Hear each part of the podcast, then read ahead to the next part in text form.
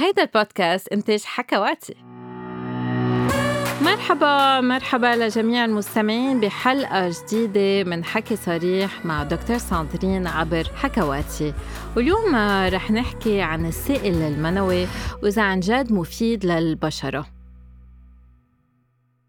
في كتير أطباء وإنفلونسرز عم بيقولوا لنا إنه إذا حطينا السائل المنوي على وجهنا رح يفيد رح يفيد ضد الشيخوخة رح يفيد ضد حب الشباب إنما هل هيدا الشيء صحيح؟ ليش عم بيقولوا إنه مفيد لحب الشباب؟ لأنه بالسائل المنوي في مادة اسمها سبرمين والسبرمين بيجي من السبرميدين والسبرميدين هو فعال كعامل ضد الأكسدة إنما ما في ولا أي دراسة بتثبت إنه السائل المنوي في يكون مضاد لحب الشباب واللي بيفيد أكثر لحب الشباب هن كل المستحضرات اللي فيكم تجيبون من الصيدليات وحتى بعض الأوقات رح تحتاجوا لأدوية لازم تشوفوا طبيبكم لعلاج حب الشباب السائل المنوي ما في يكون مفيد لحب الشباب. تاني فكرة عنا إياها هو إنه السائل المنوي في يكون مضاد للشيخوخة كمان لأنه في بقلبه سبرميدين وسبرميدين في دراسة فرجت إنه بس نفوتها بالخلية فيها تبطئ تبطئ الشيخوخة بالخلية. إنما ولا مرة صار في إثبات إنه إذا حطينا السبرميدين على الخلية مش جواتها إنه فينا نكون عم نأثر على الشيخوخة. لذلك ما في أبدا إثبات إنه بس نحط السائل المنوي على البشرة إنه هالشي في يأخر الشيخوخة. وهون كمان أحسن للواحد يأخر شيخوخة البشرة إنه يستعمل الكريمات اللي في بقلبها فيتامين سي أم بعض المواد اللي هي معروفة ودراسات أثبتت إنه فيها تحسن البشرة وتخليها تكون عندها نضارة أكتر وتبطئ فيها الشيخوخة. عنا كمان هالفكرة أنه السائل المنوي مفيد لأنه في بقلبه كتير بروتين. إنما آه، بملعقة سائل منوي في 5 جرام بروتين.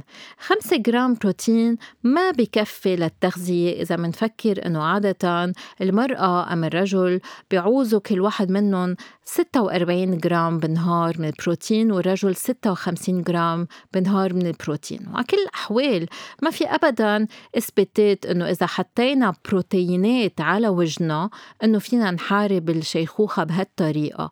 كرمال نحارب الشيخوخة بالبروتينات مفروض ناكل البروتينات مش نحطها على وجهنا وفي البعض رح يقولوا بس بالسائل المنوي في زنك والزنك كمان بحارب الشيخوخة ومضاد لحب الشباب.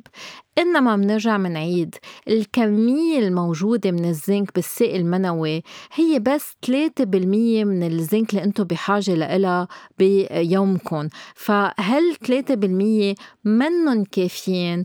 تا انتو تستفيدوا من السائل المنوي. فإذا انتو بدكم تستفيدوا من الزنك لازم أم تاخدوا مستحضرات فيها زنك تشربوها أم تاكلوها أم تستعملوا كريمات غنية بالزنك لأنه السائل المنوي منه غني كفاية بالزنك.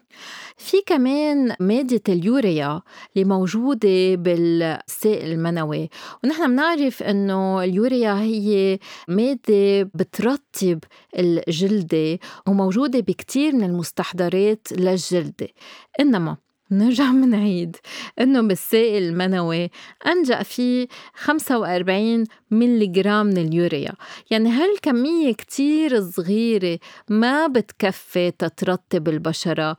لذلك بس نحط سائل منوي على البشرة ما رح يكون بكفي تنرطبها وتنحسن نوعيتها. بغير معنى ما في ولا أي دراسة أثبتت أنه السائل المنوي بحسن البشرة. وفي دراسات فرجت إنه الواحد في يعمل حساسية على السائل المنوي. ويكون في عوارض جانبية كتير مأذية للبشرة إذا صار فيها نوع من الحساسية.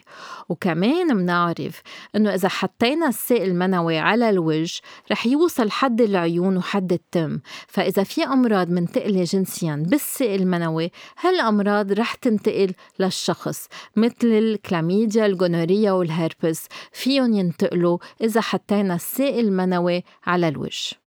بس رح تقولوا لي في محلات بتعطي ماسكات في بقلبها سائل منوي هذا الحكي مش مزبوط كل هالمحلات وسبايات تسكرت كانت موجودة بأمريكا وتسكرت. ورح تقولوا لي كمان في مستحضرات عم تنباع في بقلبها سائل منوي هذا شيء مش مزبوط كل هالمستحضرات والكريمات ما بقى موجودة لأنه ما بقى في ولا أي إثبات إنه السائل المنوي في حسن البشرة. فأكيد أنتم إذا عندكم تخيلات جنسية فيكم تنبسطوا مع الشريك أم الشريكة هذا الشيء ما بيمنع. بس ما تطلبوا من الشريك إنه يأذف كرمال أنتم تاخدوا السائل المنوي تبعوله وتحطوه على بشرتكم وتقعدوا ربع ساعة مع السائل المنوي على وجهكم لأنه ما رح يفيد الوجه وبركي يعملكم حساسية. وهيك تنتهي حلقتنا لليوم. أكيد برجع بعيد. تسلوا قد ما بدكم وفيكم تستمتعوا قد ما بدكم بتخيلاتكم. إنما ما رح تستفيدوا بالنسبة للبشرة. ما تنسوا تعملونا like و subscribe يلا bye bye